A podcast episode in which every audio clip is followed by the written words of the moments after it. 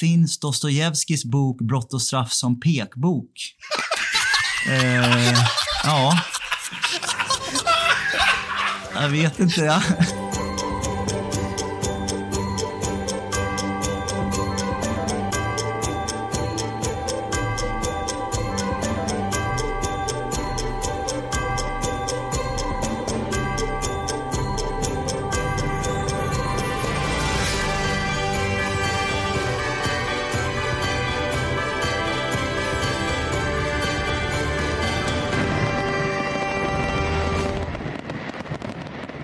Känn er varmt välkomna till ett nytt avsnitt av United-podden. Podcasten som du inte visste att du längtade efter.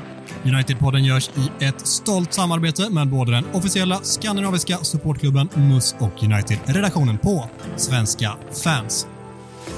Champagnen ligger inte längre på kylning och vi välkomnar självklart er kära lyssnare till denna världspremiär av United-poddens nyårsspecial.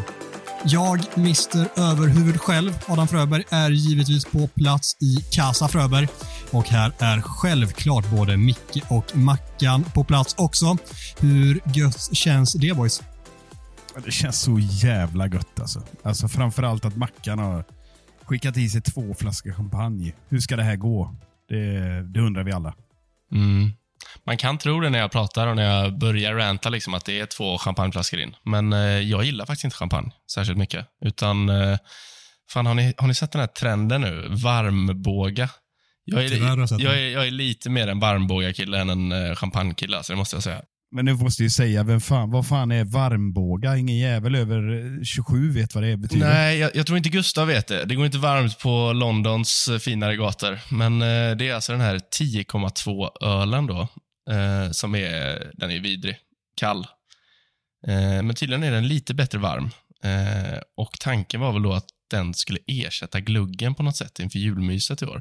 Vadå, är, är det liksom, eh, snackar vi Frälsnings, Frälsningsarméns julbord nu? Att det, Ja, men det kan, man kan tro det, men alltså, det ska sägas också, jag har inte provat den här skiten, va? Eh, utan jag har ju bara sett den florera på sociala medier. Det känns som något sånt här påhitt från en eh, alkoholiserad 19-åring som eh, har för mycket fritid. Eh, men trots att jag inte har provat den, trots att jag är lite skeptisk, så är jag fan mer varmbåge än champagne alltså. Varmboga Mackan alltså. Vi har ju självklart en fjärde poddmedlem med oss också.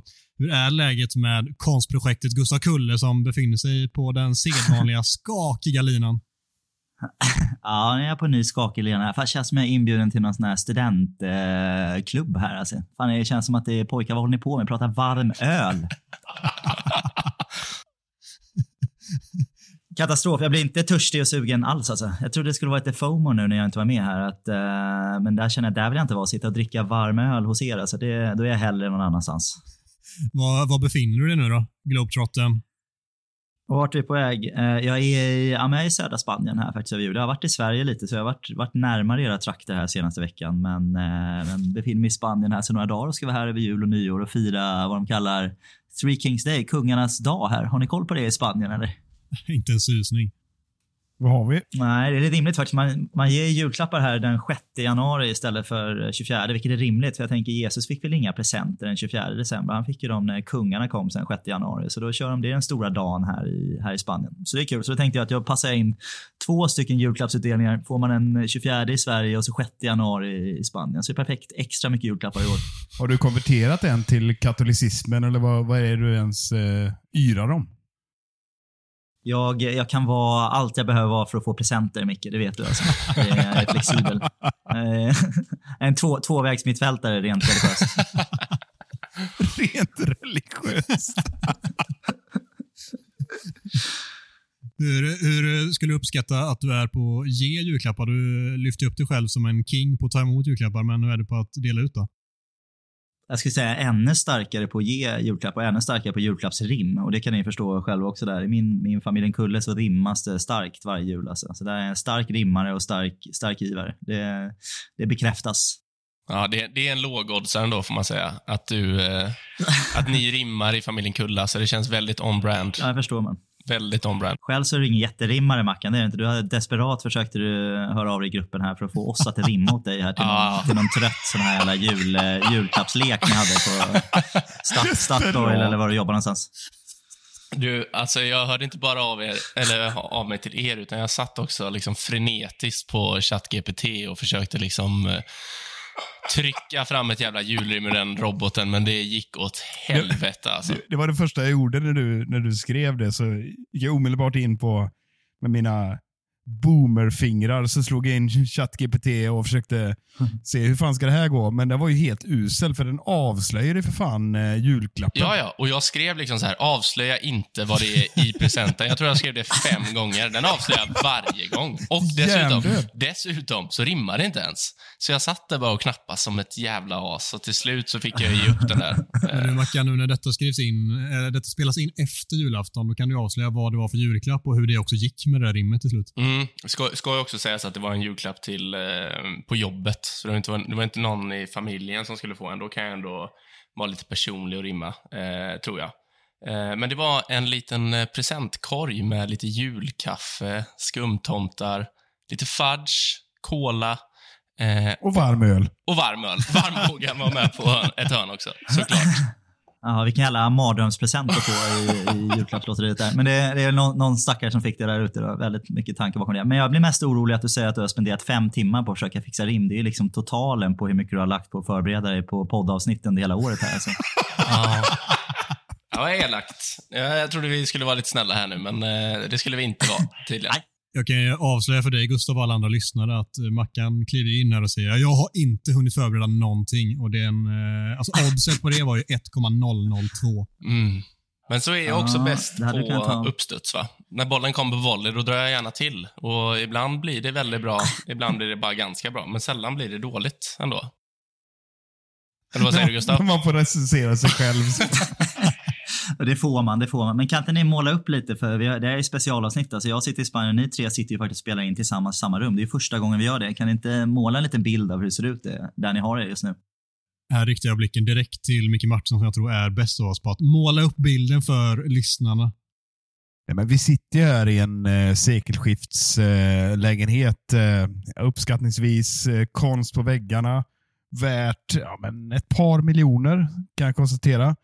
Och Vi har varsin tron som vi sitter i. Mackan har någon slags eh, pensionärsförstärkt med fotstöd och grejer. För han är ju den äldsta rent fysiskt i, i podden. Så han behöver det stackarn.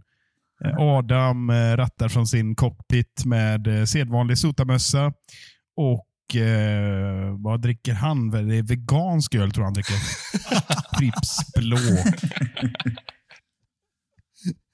Själv då? Du får ju Ja, jag, introducera dig själv. jag är ju den enda som har klätt mig för tillfället, Gustav. Det här känner du till och jag minns att jag var typ rankad tvåa på din, eh, din klädlista när du skulle ranka vår klädsel på 100 avsnittet. Idag har jag självklart på mig United-podden-kostymen med eh, våran älskvärda t-shirt. I övrigt så är det väldigt Ah. mycket vit t-shirt. Komma, komma tvåa på den här listan Micke, det är lite som att, att ranka våra högeryttrar där. Liksom. Och det är inte så mycket att skryta om tror jag. Va? Vi har ju Garnacho nu.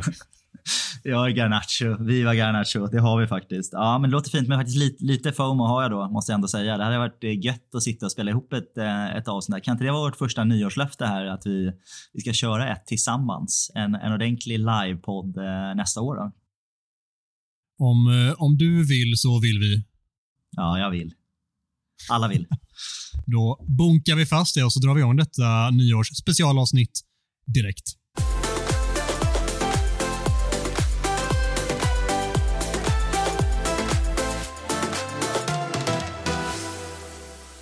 En nyårsspecial förpliktigar och då ska vi givetvis göra så som eh, jag nog ändå vill kalla att det är en, en United-podden-klassiker. Vi har delat ut att vi har varsitt segment i detta avsnitt där Mackan kommer vara först ut. Jag har inte riktigt koll på vad varken Micke eller Gustav faktiskt ska göra, men jag vet i alla fall att Mackan står för en sedvanlig katastroflista 2023.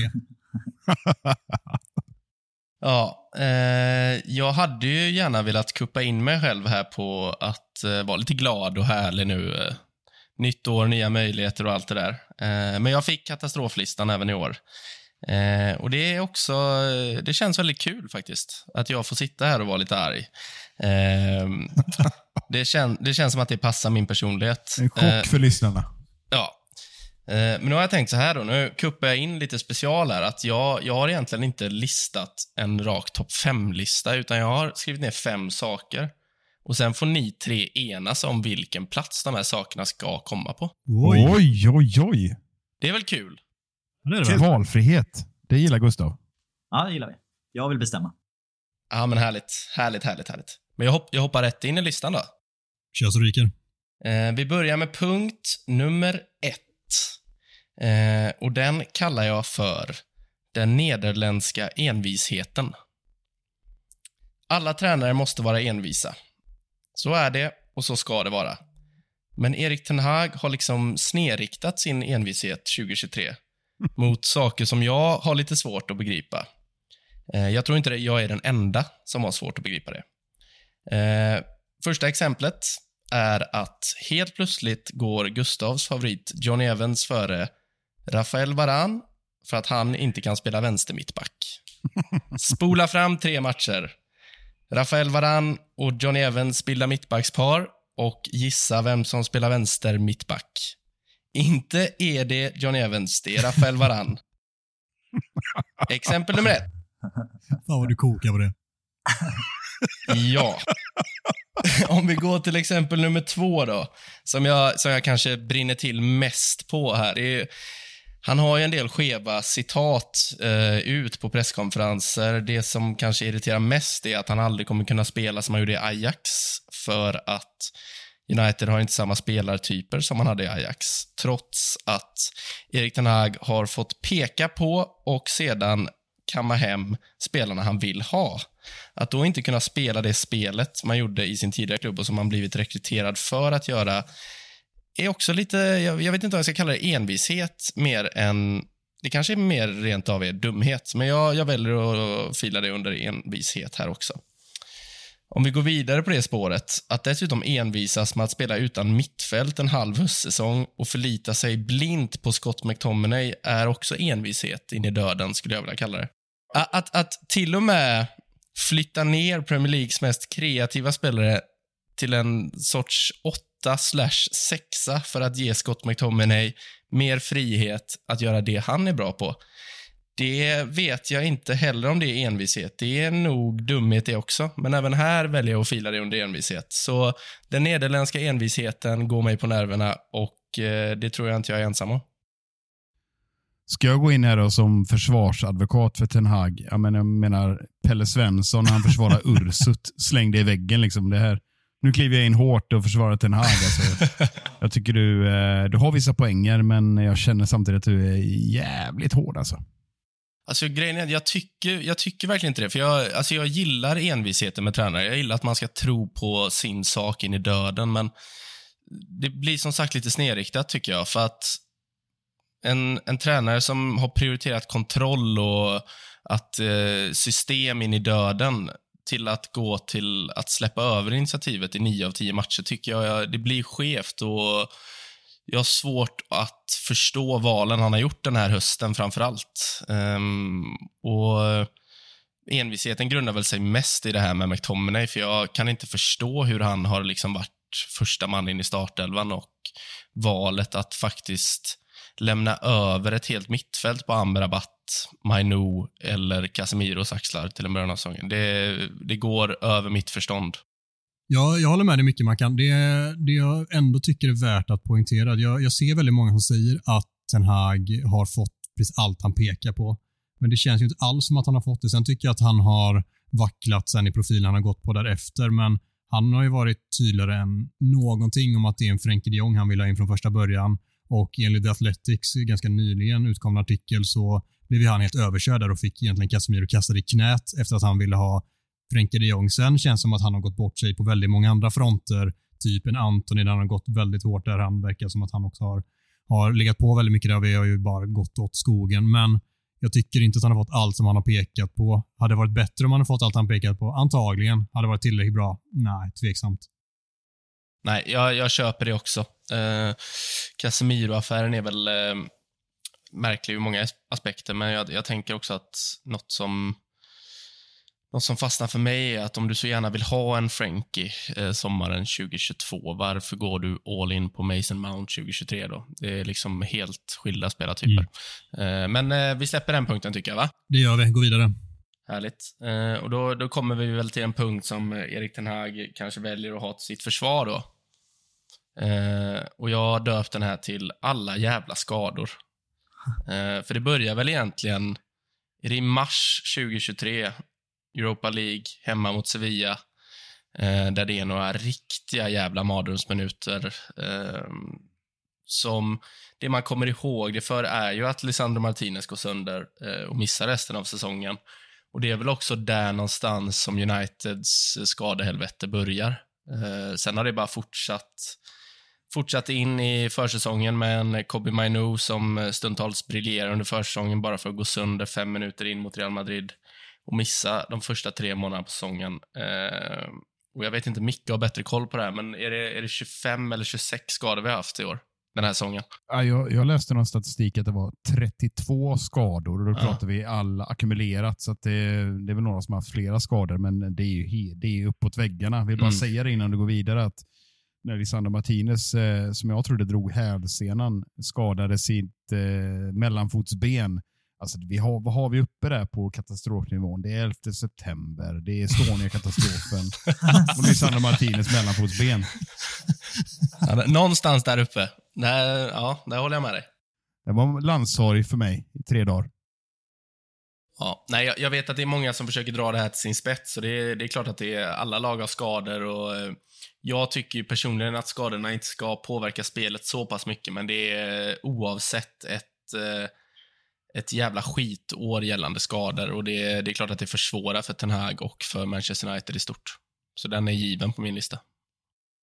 Ja, den är svårt att, att bråka emot va. Det är väl, eh, jag har svårt att komma på tre saker som har varit värre än vårt skadeläge det här året. Man har ju fan följt United i ja, men två och ett halvt decennium, men jag kan inte komma på en enda session i vår klubb där vi haft, varit så här illa berörda av skador. Liksom. Så jag tycker att det är ja, absolut katastrof, så det är jag helt med dig på. Det är intressant att du tar upp det nu, Gustav. Och jag skulle vilja adressera tillbaka till Mackan här. Och vi har haft den här diskussionen. och ja, eh, En känd poddgäst till United-podden, Fabian Jalkemo, har kallat det jag pratar om när det gäller skador för korståg. Mackan, eh, tycker du att jag tjatar för mycket om skador och försöker sminka över allting annat? Eller du är ändå med det på en katastroflista här, tänker jag.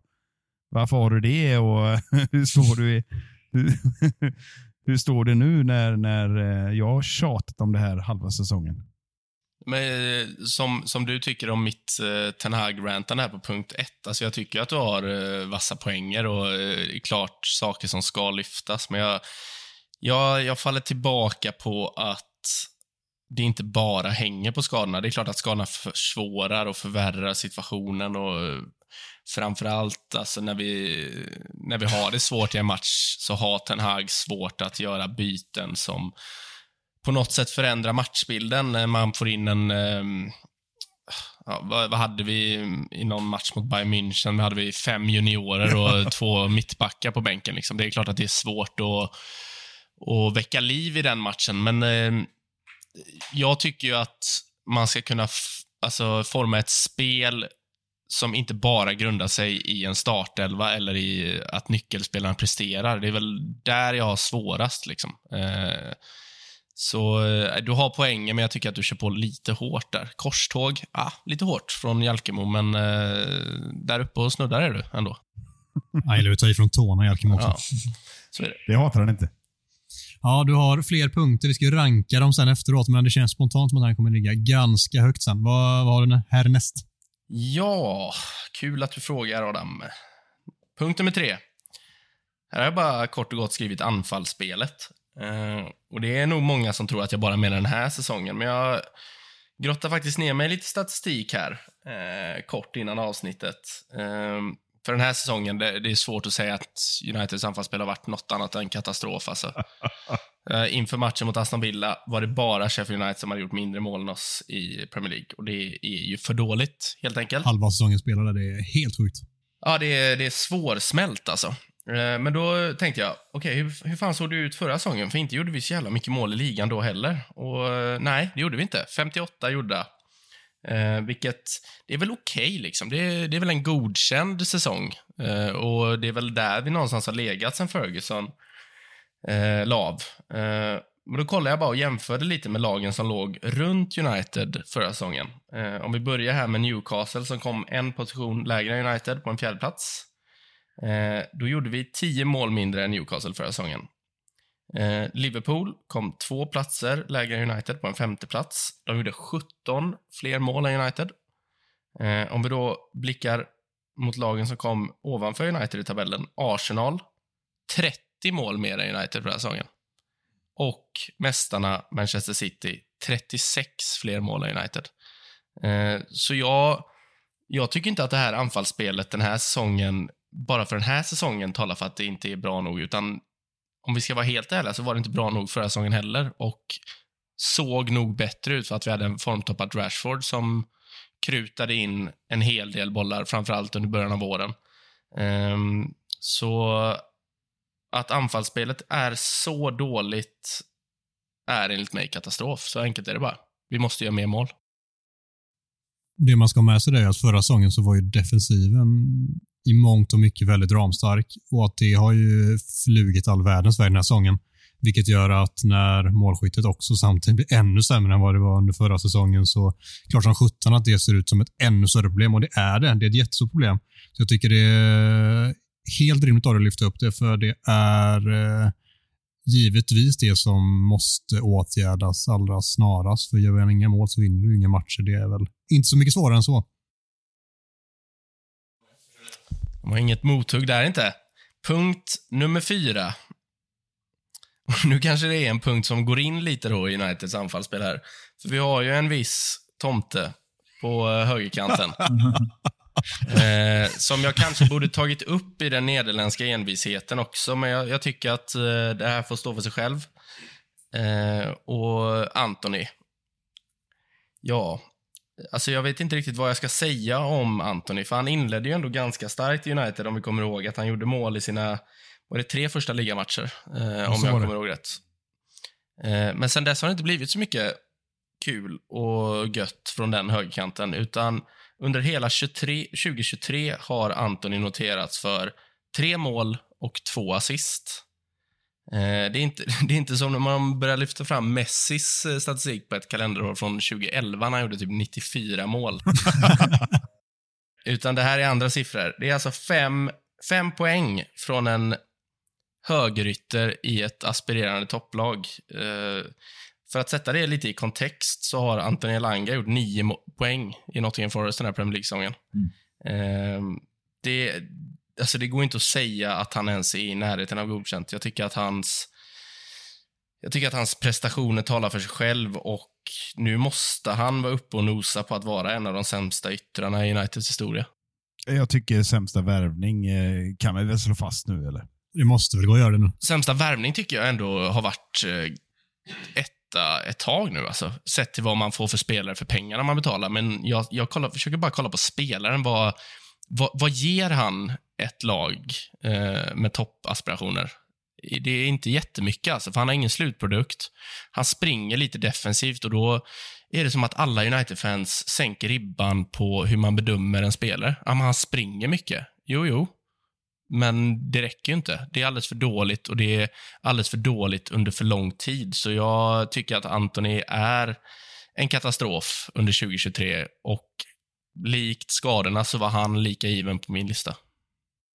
Antoni, älskaren Gustav Kulle, vad, vad svarar du på det? Ja, här vill man in och köra ett eh, försvarstal. Alltså. Eh, nej, det vill man verkligen inte. Men jag, jag håller helt med. Jag tycker att det, är, det har gått så pass länge nu så vi kan nog börja slå fast att det här nog är en av våra sämsta, sämsta bang for the buck-värvningar eh, någonsin. Jag skulle säga att han är, det konkurrerar väl mellan honom, men vi ändå har en plats kvar. Så Jadon Sancho har vi inte pratat om alls här på de här fyra punkterna, men han, eh, han ligger där uppe också i, i min bok i alla fall. Hans statistik är inte mycket bättre än Antonis.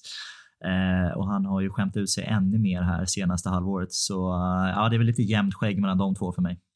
Ja, nej men alltså det är, jag har ju hackat mycket på Sancho, men eh, jag ska villigt säga att jag har väl, jag har väl eh, suttit och kanske lite naivt hoppats på att Anthony ska explodera. Jag vill ta i men att han ska ändå börja bidra och nu har jag i stort sett gett upp. Alltså, det, det är väl ganska tydligt att han inte håller i Premier League. Det är väl där vi ska landa. Att han, han är helt enkelt för svag. Det, det, han, kan, han, har, han, han har inte så många dimensioner i sitt spel. Det har ju Jadon Sancho. Det erkänner jag att hans höjd är skyhögt mycket högre. Nu har jag bara sett highlights i stort sett från Anton i Ajax. Och där såg vi många jävla bollar som eh, vräktes in eh, väldigt likt eh, Robben i bortre krysset. Men alltså det jag framförallt fastnar på är att Antoni tar sig till ganska mycket lägen med hans avslutsteknik eller, liksom, eller beslutsfattning i det, i det läget.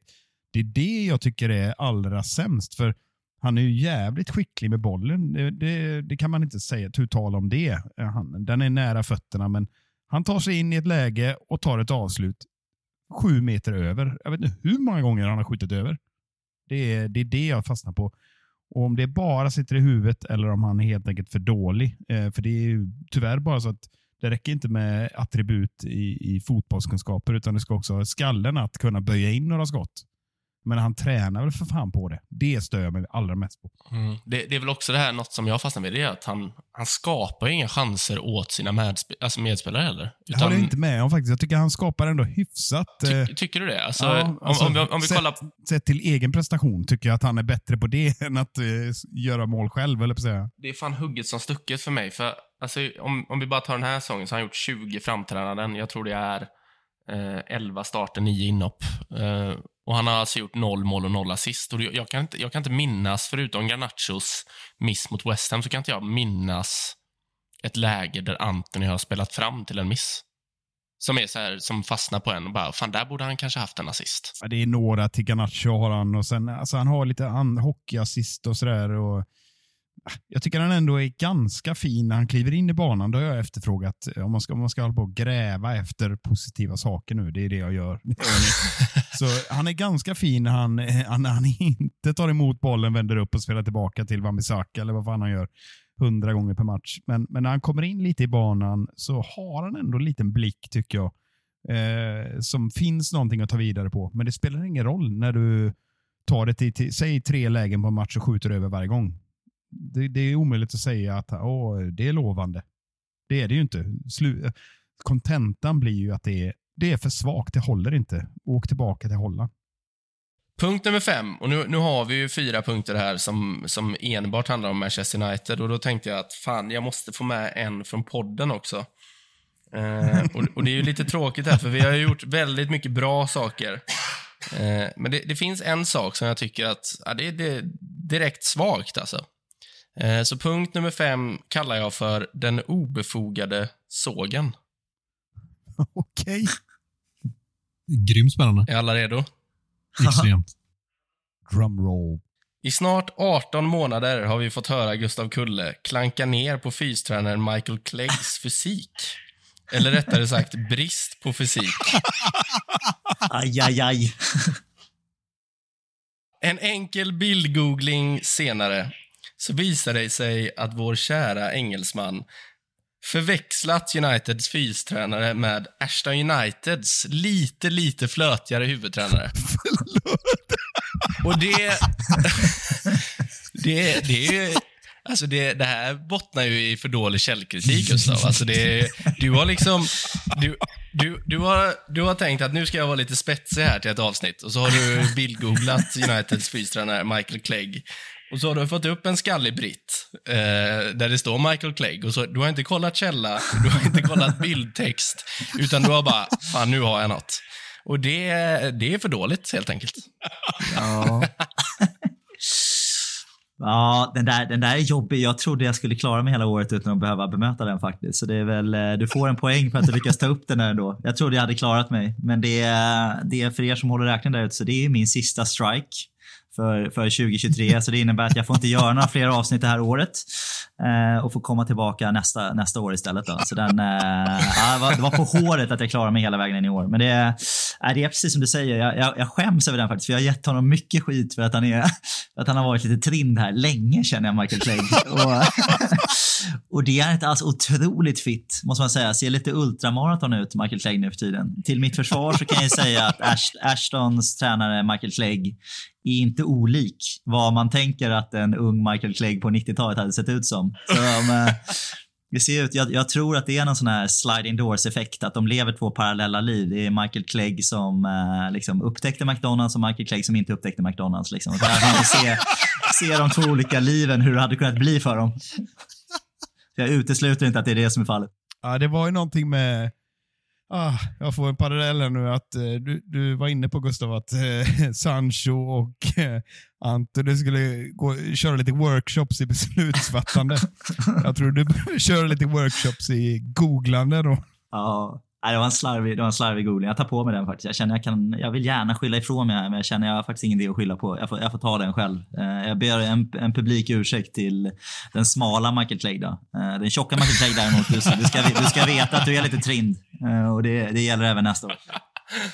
Gustav, är det här vi har hittat förklaringen i varför du har varit borta så många avsnitt på senare tid? Är det för att du visste att du skulle få din sista strike här? Du anade ugglor i ja, du var borta. Nej, jag ska vara ärlig. Att det, faktiskt, det funkar ju motsats. Det är när jag är borta som ni vågar eh, brä på som mest, era fegisar. När jag väl är där, då är det bara snälla ord och kul att du är här och så här. Men när jag är borta, då jävlar, då bränner ni på alltså.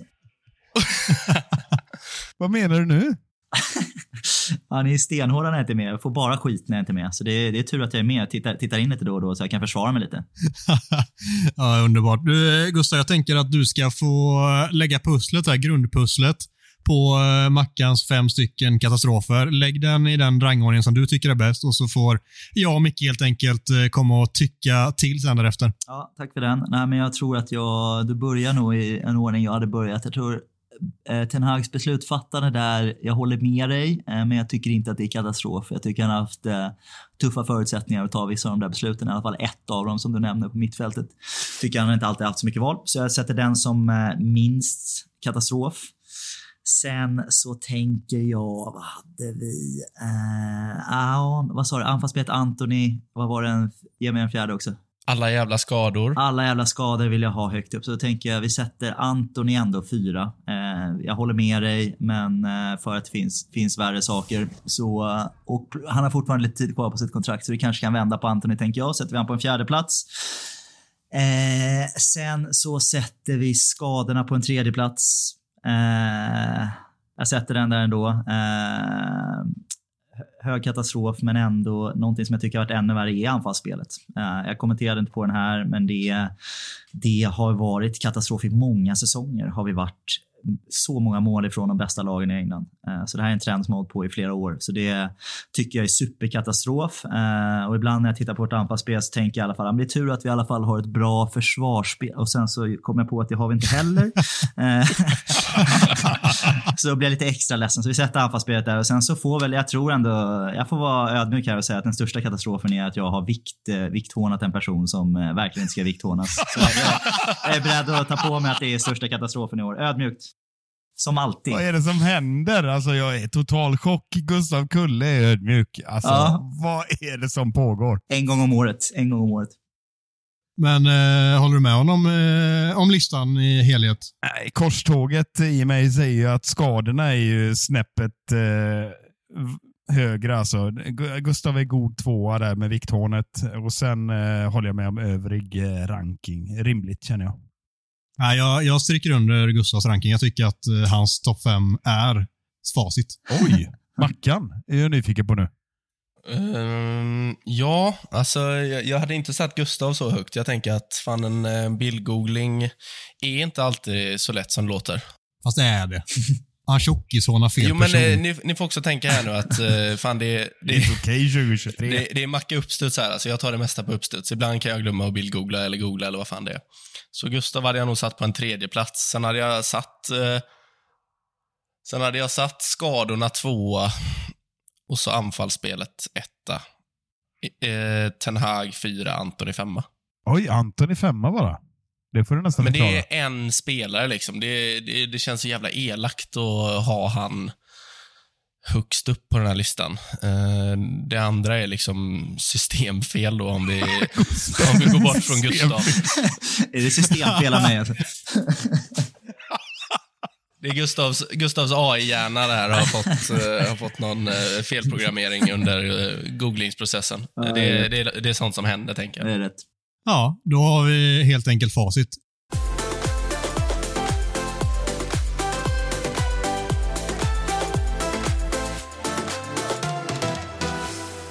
Segment nummer två rullar givetvis vidare till mig.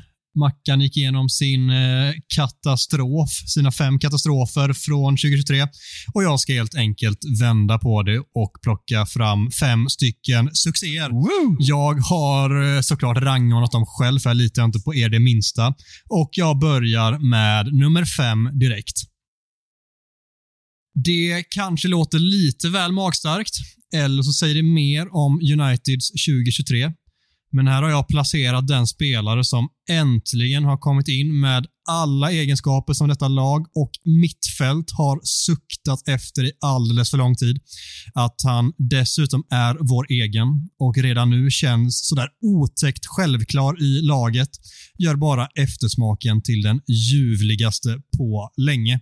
Nummer fem är givetvis Kobi Mainu. Åh, han har bara 10 000 pund i veckan också. Det är Mm. alldeles för lite. När höjs den jävla lönen? Ja. Jag hade haft Maino högre upp på min lista. Du har inte ens hört hela listan. Man kan... Utan att veta vad mina andra... Ja, Tidigt. men alltså bara rent... eh, om, jag, om jag bara tänker tillbaka här nu på, på vad jag verkligen har älskat med det här året, så det första som dyker upp i mitt huvud är ju Kobe Mainu. Och det kanske är för att det är det som har skett mest närmast i tid, men samtidigt så är det en sån spelare som man eh, älskar att se komma från de unga ledarna. Han är så självklar i allt han gör och när han blir utbytt mot Liverpool så vänder han sig direkt mot de tillresta bortafansen och eh, ber dem höja sig lite och applådera dem och fan sjung mer och likadant när han blir utbytt mot Aston Villa. Jag, eh, det känns bara som att han, han är så mycket mognare än sin ålder och han är så självklar i fan allt. Så eh, jag får, eh, jag får nästan rysningar bara jag tänker på den spelaren. Ja, jag med. Alltså, jag har ju pratat om innan att jag skickat in papper och grejer för att adoptera Kobbe. Men, men Johnny Evans kommer hinna före. Han har en stark adoptivfars-aura. Det har inte jag alltså. Nej, vi, vi alla är eniga om att han ska vara med på en topp 5-lista. Gustav, eh, du som har sett honom spela live, vad, vad utmärker honom när man ser honom eh, med egna ögon? Eh, nej, men ni är inne på lugnet. Så det, jag har egentligen bara en spelare, det är tyvärr utanför United, som, eh, som eh, jag känner att jag beundrar och ser live eh, betydligt mer än vad jag ser på TV. Och det är Luka Modric som jag har sett ett par matcher, eller förmånen att se ett par matcher. Och han har ett jävla, en jävla självklar, självklarhet i hur han rör sig på planen och kontrollen han har över mittfältet, ofta ens utan att röra bollen. Och jag tycker att det finns slag av det i Kobbe också när man tittar på honom.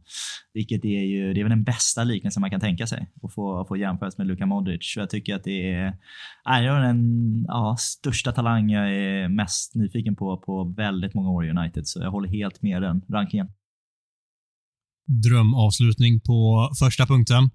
På fjärde plats eh, lyder motiveringen så här. Detta borde egentligen ligga på första plats, men för att vara någorlunda ödmjuk river vi av denna banger till höjdpunkt redan nu. För tio avsnitt sedan spelade vi in vårt jubileumsavsnitt nummer 100 och våra stora idoler, bröderna Rongedal, som de kingarna de är, påade vårt superavsnitt på allra bästa vis. Alltså, minns ni tillbaka när vi hörde av oss till dem och försökte förklara lite så ja, men vi är en podd som vi håller på United. Vi har gjort eh, 99 avsnitt, spelat in vårt 100 avsnitt nu. Skulle ni kunna tänka er att påa oss till avsnittet? Vi har eh, pratat med er ett par gånger och vi älskar er musik. Det var väl typ det du skrev, Micke? Ja, det är helt magiskt. Alltså, jag ska inte tråka ut er med detaljerna i hur vi fick tag på bröderna Rongedal, men eh, vi snabbspolar fram till att jag pratade med Magnus Rongedal. Eh, verkar vara överhuvud för övrigt i duon där.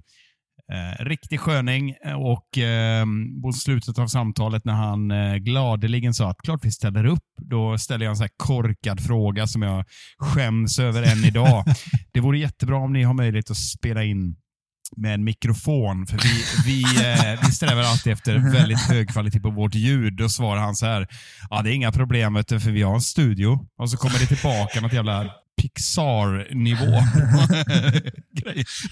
Galet är det. Alltså jag får rysningar nu. eh, Alltså, om jag hatar när folk använder ordet krispigt när det handlar om väder, så älskar jag när det handlar om krispigt ljud. För satan vad bra det var. Eller krispig fysik hatar du inte heller. Ja, det är också jävligt gött. Ah. Det var rätt tidigt avsnitt va? Ja. Dalå!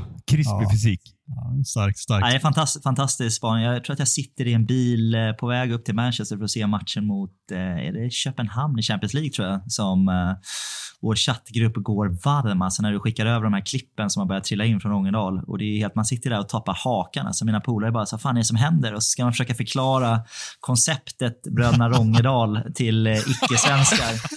inte helt lätt liksom så här, ah, we have a singing problem, så ska det låta, they've been there a couple of times, very good. Och, ah, det är inte, fan, fan, fan inte lätt alltså eh, att försöka förklara. Men det är eh, otroligt stort, så det är klart de ska upp in på listan alltså. Ja, de är givna.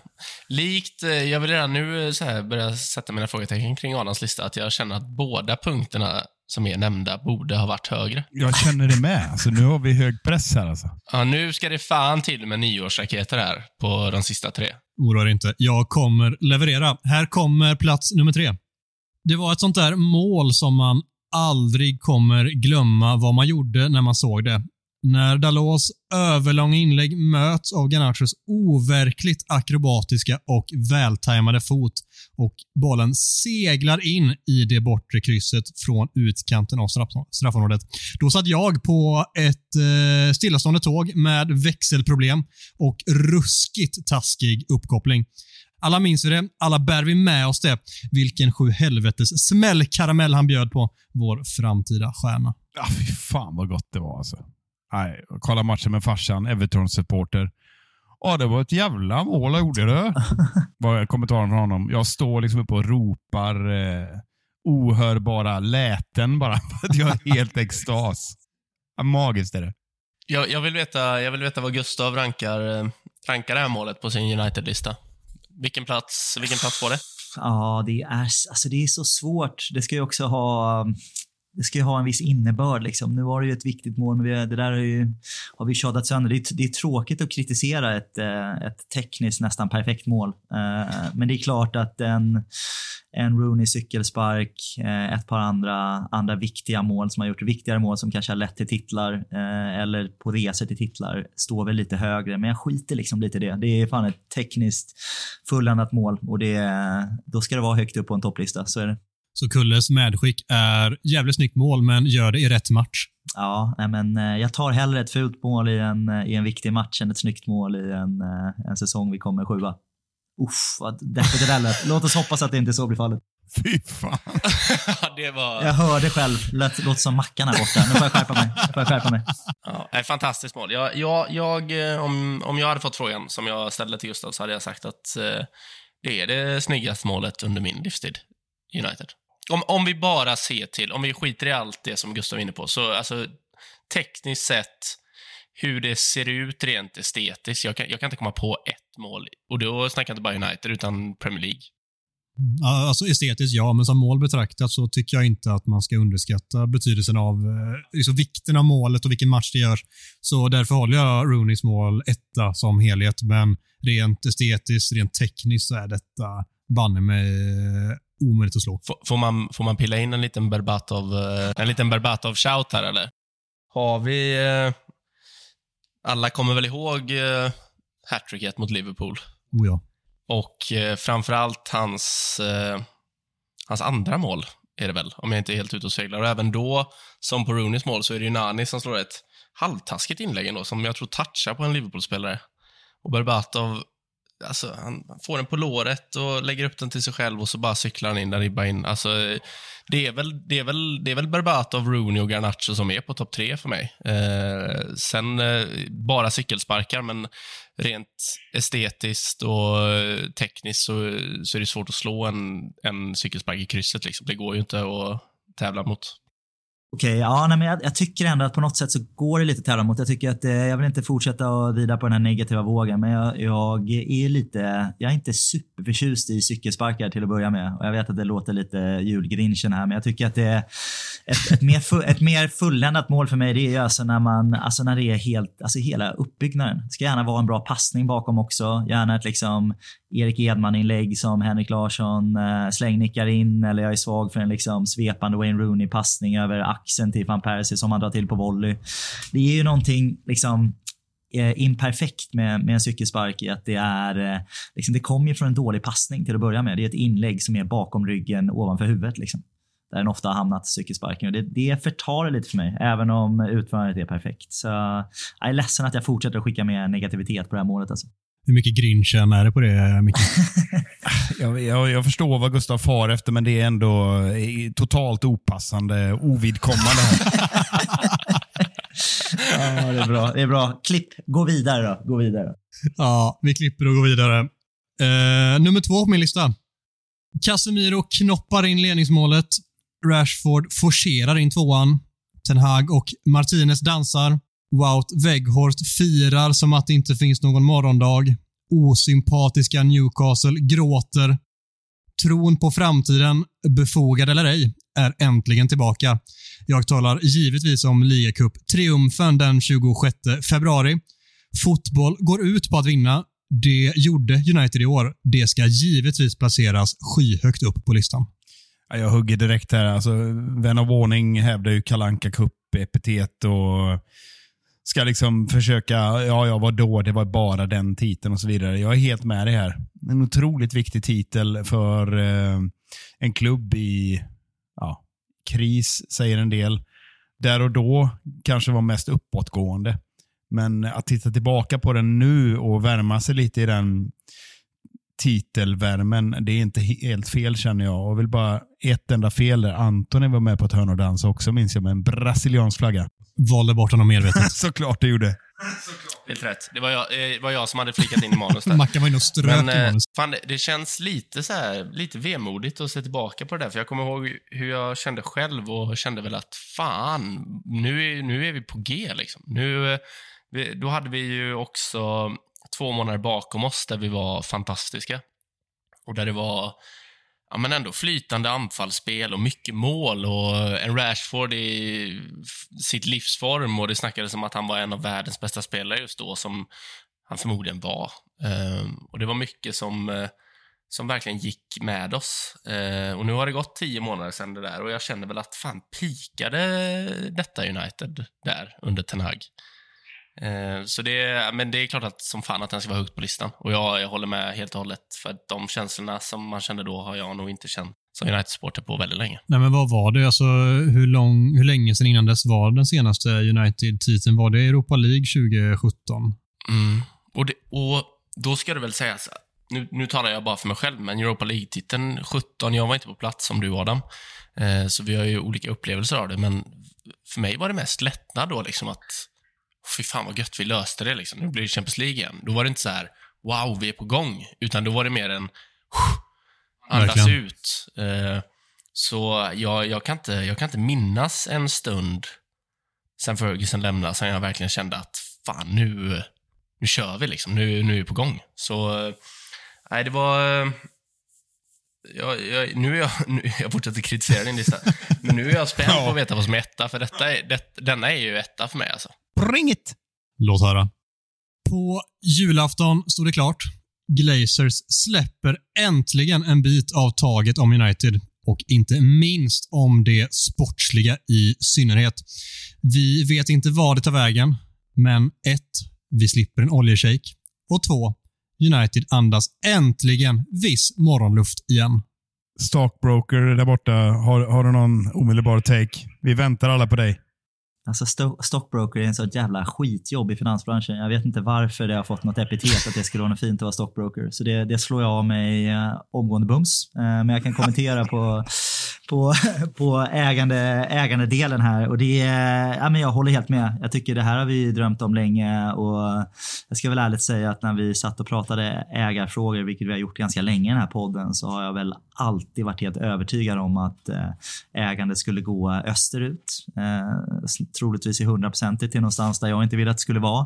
Och jag trodde nog aldrig att på riktigt att det fanns en ärlig chans att eh, Sir Jim Ratcliffe och Ineos-gruppen skulle, skulle kunna ta den här ägandet biten som de har fått. Så jag är upp över öronen alltså. Eh, superförväntansfull och känns superpositivt eh, ute efter förutsättningarna. Eh, sen så får vi se, men jag, nej, för mig är det en, en fantastisk julklapp, en av de bästa julklapparna på många år. Så helt, helt rätt att lägga detta. Ska man eh, spekulera lite där Gustav, så är jag lite nyfiken på vad du tänker. att eh, Är det bara business, du som är i branschen, om vi, om vi slarvigt eh, inte kallar det för startbroker då, men är det så att affären, eh, nu spekulerar vi såklart, bröt samman bara på grund av finansiella teknikaliteter med eh, Qatar-gänget? Eller är det så att man bara sonderade terrängen och i själva verket ville ha kvar aktier i klubben för man ser det som en kassako. Nu kan inte jag Glazers övriga portfölj och hur det ser ut. Sådär, men vad, vad säger du om det? Är det, liksom, är, är det här vad Glazers ville ha, eller vad, vad tror du? Eh, jag tror att här, här faktiskt behöver man inte spekulera så mycket, utan jag tyckte ändå att Glazers eh, kommunicerade ganska tydligt vad det var de gjorde när de, eh, när de la upp United för försäljning. Det var, det var ingen snack om att de ville garanterat lämna, lämna över ägandet. De ville framförallt ha en cash-injektion. De ville ha mer pengar. Eh, in, in i, färska pengar in i, in i klubben och det det är väl de tittar på olika möjligheter. Det var de jättetydliga med att göra. Jag tror aldrig att de var helt bestämda på att de ville sälja. Hade de fått ett kalasbud som de inte ville tacka nej till så tror jag att de hade sålt. Men jag tror faktiskt att Qatar, eh, som har kastat mycket skit på den här processen, var ja, lite snåla i slutändan. De har ju pengar. Hade de tryckt upp två miljarder pund till så hade, det, då hade de fått det här. Eh, då tror jag att Glazer hade gått ut. Men i, med facit i hand och så mycket som jag gillar Sir Jim Ratcliffe på förhand så kan jag känna att det är ju en jävla kalasdeal för Glazers. Alltså. De, de får ju en otroligt bra eh, avkastning på 25% av sina aktier eh, och sen så har de fortsatt stor ägarandel och går det dåligt för sporten, vilket det har gjort de här senaste åren, så kan de peka finger och göra det på någon annan samtidigt som de kan fortsätta och ta vinst vinster finansiellt och ekonomiskt eh, för sina 75 procent av ägandet. Eller det är inte så mycket som de har kvar nu men eh, i alla fall sin del av ägandet. Då. Så eh, jag tror att de är jättenöjda. Eh, Sir Jim Ratcliffe vill jättegärna göra det så han är nöjd också. Eh, och fansen i stort är väl lite halvnöjda kanske. Men eh, jag tar det. Rent eh, sportligt, då, vad säger Mackan eller, eller Micke? Hur känner ni att det... Alltså, vad är känslan inom er nu när det här faktiskt är klart och det kommer in någon som gör något helt annat med eh, den sportsliga ledningen och har ett helt annat synsätt på hur United ska bedrivas framöver som fotbollsklubb. Nej, först och främst så pulade jag direkt, för det här är min etta också, kom jag på nu, när du tog upp den. Nej, men jag, eh, jag, jag är fan väldigt exalterad över det här, för att jag, jag tror ju att detta är exakt vad United behövde. Jag vet att Gary Neville har väl rantat om detta i Sky Sports, jag vet inte hur många gånger, att fan, det finns ingen riktning. Alltså, eh, det, det är lätt att alltid falla tillbaka på Glazers och att, eh, att de är dåliga ägare och United har ingen sportslig ledning som vet vad som krävs för att man ska bli eh, framgångsrik. Och det, det, här känns som ett så jävla stort steg i rätt riktning som vi kan ta av det här läget utan att det ska bli Qatar och utan att det ska bli oljepengar eh, som eh, många okunniga supportrar skriker efter. Jag blir lite trött på att folk faller tillbaka på att Glazers sitter kvar. Alltså, kolla istället på att Ratcliffe och hans team får all sportslig... Eh, eh makt. Får, ja, all sportslig makt liksom. Och säga vad man vill om Ratcliffe. Jag kan inte jättemycket om hans satsningar i Schweiz eller Nice eller cykelteam eller någonting, men det känns som att det finns en tydlig struktur i allt han gör och det finns en plan i vad de vill uppnå. Eh, att han dessutom håller på United är väl eh, bara ett plus egentligen. Eh, men ett stort plus också. Jag tycker inte det ska underskattas. Absolut inte.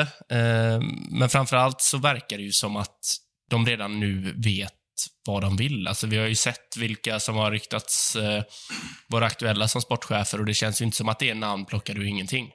Utan de har gjort sin research, de vet vad de är ute efter och eh, jag, är, jag är riktigt taggad på att det här ska sätta igång. Alltså, det är bara synd att det dröjde så jävla långt. Alltså. Mm. Det är väl det enda jag kan eh, var lite irriterad på. Jag är väl den som kanske har varit lite tveksam till det och det är inte för att jag vill ha Qatar istället utan det är mer för att jag mm, funkar lite så generellt att jag vill se lite grann vad det är som kommer här. Även om eh, samstämmiga uppgifter säger att men det här känns tryggt och han är United-supporter och total sportslig kontroll. Gustav förklarar gärna det för mig en annan gång. Vi kan, vi kan höra så att inte lyssnarna orkar lyssna på det här. Men du kliver alltså in med 25 procent och så ska du kontrollera produkten som jag uppfattar är Manchester Uniteds herrlag. Sen kan man säga om man vill om att, att det handlar om att marknadsföra varumärket och allt vad det nu är. Men varumärket är ju och förblir prestationer på planen. Så är det ju. Eh, United kan absolut vara en maktfaktor även om de slutar sjua sju år i rad. Men rimligen så bör ju varumärket skadas av det. Därför känner jag så här. Låt oss se vad det här innebär. Låt oss Ratcliffe och in, in, vad fan heter de? Säg det nu. Ineos. Ineos. Låt dem gå in och sätta eh, företagsstruktur på det här, för som jag upplever från mitt håll har varit en stor brist. Men vad innebär det sen då att de sätter rätt namn? Det är lite grann som att värva Casemiro, värva Varan och så ska det liksom automatiskt falla på plats. Det är väl liksom min kritik utifrån min lekmannaanalys. att bara för att den här strukturen sätts så innebär det inte att det blir succé. Så jag väljer ändå att vänta med att jubla även om jag tycker att det är klart att vi ska lyfta upp det här. Det var en julklapp. Ja, Micke, vi får ta en, en separat space här. Men jag, jag känner att jag har fan slagit dig på fingrarna med det här förut. Produkten Manchester United är inte prestationerna på planet för vårt herrlag. Hur mycket vi än vill att det skulle vara så, så har vi visat här senaste 10-15 åren att eh, pengarna rullar in ändå och ökar ändå, intäkterna ökar ändå. Så det är liksom en annan, annan affärsmodell. Eh, så eh, det, det sportsliga resultaten är ju inte så avhängt som, som vi vill att det ska vara. Eh, men vi, eh, vi kan ta den separat. Specialavsnitt. Gustav och Micke spekulerar. Det ser vi fram emot. Mackan, du var kritisk till alla punkter jag hade där du sa att den här måste vara mycket högre upp. Vad, vad, vad säger du i slutändan? Du börjar med Kobbe och tyckte den måste vara mycket högre upp. Samma med Rongedal. Så samma med ligacupvinsten. Och sen nya delägare. Vad, vad säger du till slut? Vet du vad? Alltså, jag kör en eh, jag kör en pudel här totalt. Alltså, jag tror fan att jag är jag tror jag håller med dig till 100%. Vilken, var det Garnachos mål som var trea? Jajamän. Um, ja, jag håller med. Det, det är för dåligt av mig. Jag, jag kör en Gustav Kulle-pudel eh, och säger att det är dåligt. Och eh, ödmjukt så ger jag dig 100% rätt. Fan vad gott att höra. Det firar vi med givetvis ett sånt här ljud.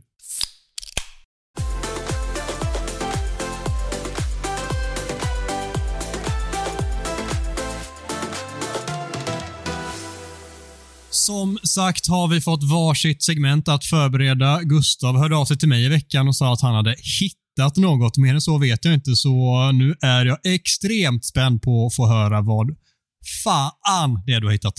Ja, men det här är ju ganska skönt faktiskt. För det är ju som, precis som du säger, vi brukar få lite egna segment här som ska förberedas för sådana här specialavsnitt. Och jag skulle precis faktiskt börja sätta mig och klura på vad jag själv ska hitta på här när jag ramlade på någonting här av en slump. Eh, och tänkte, nej men jag kör på det här istället. Eh, så blir det lite mindre jobb för mig. Eh, för så här var det faktiskt, helt, helt otroligt. Jag var ute på puben eh, The Dirty Duckling här i London innan jul. Eh, och döm om min förvåning när jag såg Gary O'Driscoll där ni vet Gary Driscoll, han som är ansvarig för sports medicine för Manchester United. Där satt han med sina polare och tog några pints. eh, och sen när de skulle gå, då såg jag att han lämnade kvar sin portfölj. En gammal fin sån här Maxwell Scott-portfölj. Brunt, bränt, fint läder. Va? Fin patina. Och då gick jag fram, tog en titt i den här portföljen för jag tänkte jag skulle kolla om jag kunde hitta hans telefonnummer och adress så jag kunde lämna tillbaka den här. Och vad tror ni jag hittade i den här portföljen? Va? Tre ovikta strumpor i olika färg. Eh, helt obegripligt. Eh, det hjälper mig inte så mycket. Men de hittade också något annat i den här portföljen som var lite mer intressant. Och Det var en mapp märkt Top Secret, stod det på den här mappen. ja? och det var jag förstås tvungen att kolla på vad det kan vara för någonting som är Top Secret. Och helt otroligt, jag hittar 25 stycken handskrivna lappar märkta To Santa Claus. Undertecknade av samtliga spelare i truppen. Ja? Det är alltså önskelistorna som har trillat in här precis innan jul. Vad de har för julönskelistorna på spelartruppen. Vilket jävla scoop det här är. Och jag tänkte direkt, ska jag sälja det här till The Sun eller till The Mirror? Daily Mirror. Men jag landade i att det är bättre att vi breakar det här i podden. Eh, vi behöver all draghjälp vi kan få. Eh, så jag tänkte så här, är ni redo nu? Så tänkte jag bara läsa upp eh, helt, eh, helt liksom bara på studs United-truppens önskelistor för julen 2023. Aldrig varit mer redo. Kör. Ja, ja, vad skönt. Jag tänker, ja, ni, får inte, ni kan inte döma mig på det här. Det är ju vad, vad de har skrivit, så jag vet inte. Ni får göra era egna tolkningar. Men först ut i alla fall. Onana har skrivit så här, eh, lite fin skrivstil. Ska vi se om jag kan läsa. Jag översätter till svenska här på studs. Ska vi se. Eh, en duffelbag från Kameranska fotbollsförbundet fylld med en miljon ovikta amerikanska dollarsedlar vill han ha. Eh, Oklart. Jag tror att det ja. kanske kan ha någonting med om huruvida han ska ställa upp i Afrikanska mästerskapen eller inte. Jag vet inte. Vad tror ni? Blood Diamond. Blood Diamond. Det vill Onana ha i alla fall. Eh, sen har vi nästa här. Då har vi Bayindir. Eh, han vill ha en ny vadderad sittdyna. Ja. Tänker. Börjar bli lite slitet där kanske, där han sitter. Oklart. Det är fan. vad är det de har skrivit här? Här har vi nästa. Tom, Tom Heaton. Han vill ha Bunny Money-kuponger på Playboy-klubben i Mayfair i London. det är konstigt. Att det kan se en för sig. Kan man köpa både t-shirtar och, och det ena och det andra för Tom Heaton. Så där vi går vidare in i, in i backlinjen här ska vi se. Rafael Varan har skrivit, nej, ska vi se, fan står det? Dålig handstil har han här. Ska vi se, eh, en levande gästkultur i en glasburk. Det vill säga en surdegsstarter. Det vill Varan ha. Jag bara utgår ifrån att han har pratat ihop sig med Fabian Barthez här. Eh, att de ska göra något projekt här i, här i nyår. Det är varann. Hans, hans mittbackskollega här, Lisandro Martinez, har skrivit eh, en voodoo-dockskopia av Jamie Carragher. Ja. och kasta såna köttkniv-yxor på honom. Ja, otroligt. Här, det blir liksom, det blir obskyra och obskyra. Fan, det är mycket konstiga grejer jag ska säga. Eh, Malassia önskar sig DVDn Älsklingar krympte barnen 2. Det är otroligt jävla random. Alltså, han menar då att det är väl egentligen uppföljaren till storsuccén. Då. Den heter väl Älsklingar förstorade barnet. För jag tänker i andra filmen så blir väl barnet större tror jag än den första. Så jag vet inte, han har blandat ihop dem lite. Men, men det är i alla fall, den DVDn vill han ha. Det är konstigt. Ja. DVD är också konstigt att man vill ha 23. Ja, jag, jag, jag, sa redan från början att ni inte kan döma mig på det här. Jag har inte förberett det här segmentet utan jag har bara hittat de här lapparna och läser bara upp. Eh, Uh, Luke, Luke Shaw är vi på nu. Han vill ha Magic Insoles, sådana här skosulor som lägger på 5 cm på din längd. det är populärt nu. Det går runt, går runt på Instagram, så det, ja, men det kan jag förstå. Den här är, är det riktigt obskyr. Aron Wan-Bissaka har bara skrivit “One fritata” med tre utropstecken. Uh, jag, tror inte, jag tror inte riktigt han förstod att det var julklappsönskning. Han trodde att det var någon sån här varmrätt till spelarmiddagen man skulle bestämma. Så han tog one frittata. Du går för snabbt men... fram nu. Jag måste, jag måste kommentera. Är det klart än att, ja, kör du. Ja, är det klart att Luke Show är sponsrad av Solstickan än, eller hur ser det ut? det måste vara så. Jag tänker, Solstickan sponsrar alla mina längd, längdutredningar för, för 2023-2024. De är min officiella partner. Sponsrar oss alla. Ja, One Fritata på One Bisaka. Eh, oklart om han får det i jul eller inte. Eh, går vi vidare till min favorit och han skrivit Johnny Evans. Han skulle vilja ha, ska vi se, finansiell rådgivning från en konsult som kan erbjuda en genomgång på både sak och livförsäkringar, pensionsavsättningar och skatteeffektiva stiftelsebildningar för kvarlevnadsskydd till barnen. Ja. Han är trygg och pålitlig, Johnny, det är han. Lite finansiell rådgivning till Johnny. Alltså. Det var mycket där. Det var så många olika delar. Men det är bra. Han vill ha finansiell rådgivning, Johnny, Johnny Evans. Det är starkt. Nu ska vi se. Eh, Diogo Dalot. Han vill ha en högervant och en vänstervant i olika färg.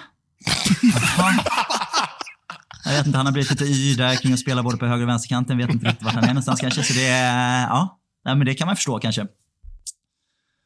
Vi, vi brassar på två backar till här ser jag innan jag hoppar på på mittfältarna så kan ni få kommentera lite sen. Eh, Victor Lindelöf har bara skrivit “Jag vet inte, ska fråga Maja”.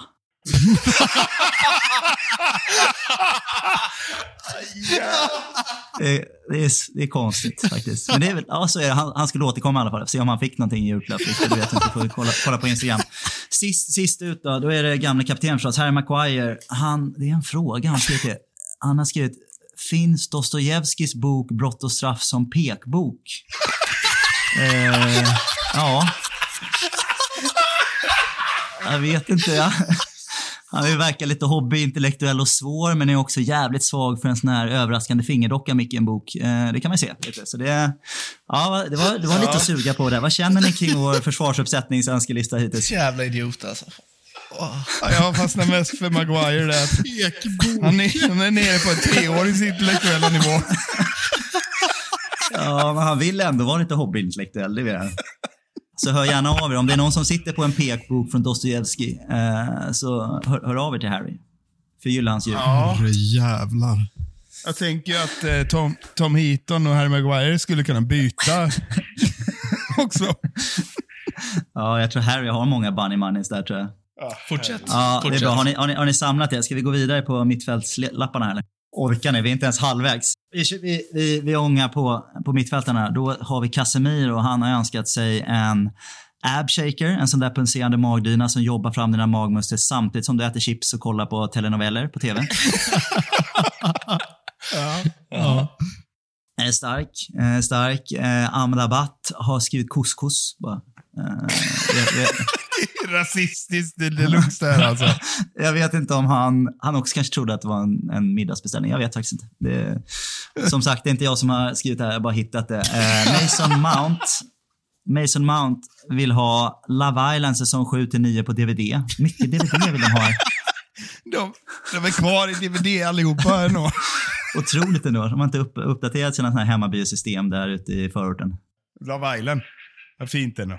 Love Island, det, har ni, det kan ni se i Sverige också. Men det är ja, säsong 7 till 9, han har väl de andra då, jag tänker vid Mason Mount. Då har vi Kobe Mainu då. Eh, då ska vi se, motivationstalarens Thomas Erikssons bok Omgiven av idioter. eh, ja. Ja. Det är fan. Det är bra. Den skickar vi till Kobby. Den, det FedEx. kan man förstå. Ja, Fedexa på den. Nu ska vi se. Eh, Scott McTominay här. Han har faktiskt bara skrivit fred. Eh, ska vi se. Och det tycker jag är ganska fint i de här tiderna. Globala konflikter, stridigheter i alla världens hörn. Aktualiserat nu av konflikterna i både Ukraina och på Gazaremsan. Så jag tycker det är positivt att vi har spelare som tar ställning och till skillnad från... Nej, vänta, vad fan. Jag saknar honom. Kan han inte bara komma till... Nej, han menar Fred. Han är på Fred. Han vill ha tillbaka Fred. Sorry, det är jag som läser dåligt. Nej, det är jag som läser dåligt. Sorry. Uh, ja, vi, uh, vi saknar Fred. Det gör vi alla. Jag förstår dig, Scott. Så känner jag också.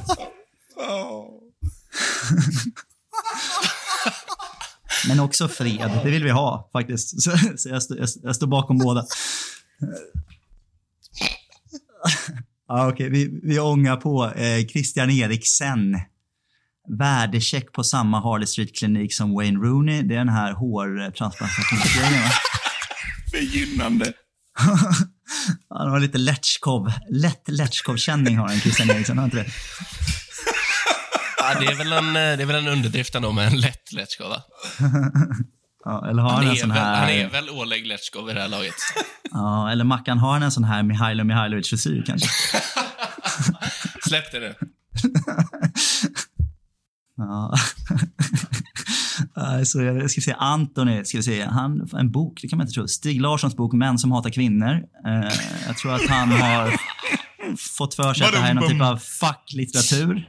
Inte skönlitteratur, men den, den vill han läsa, den gode Antoni.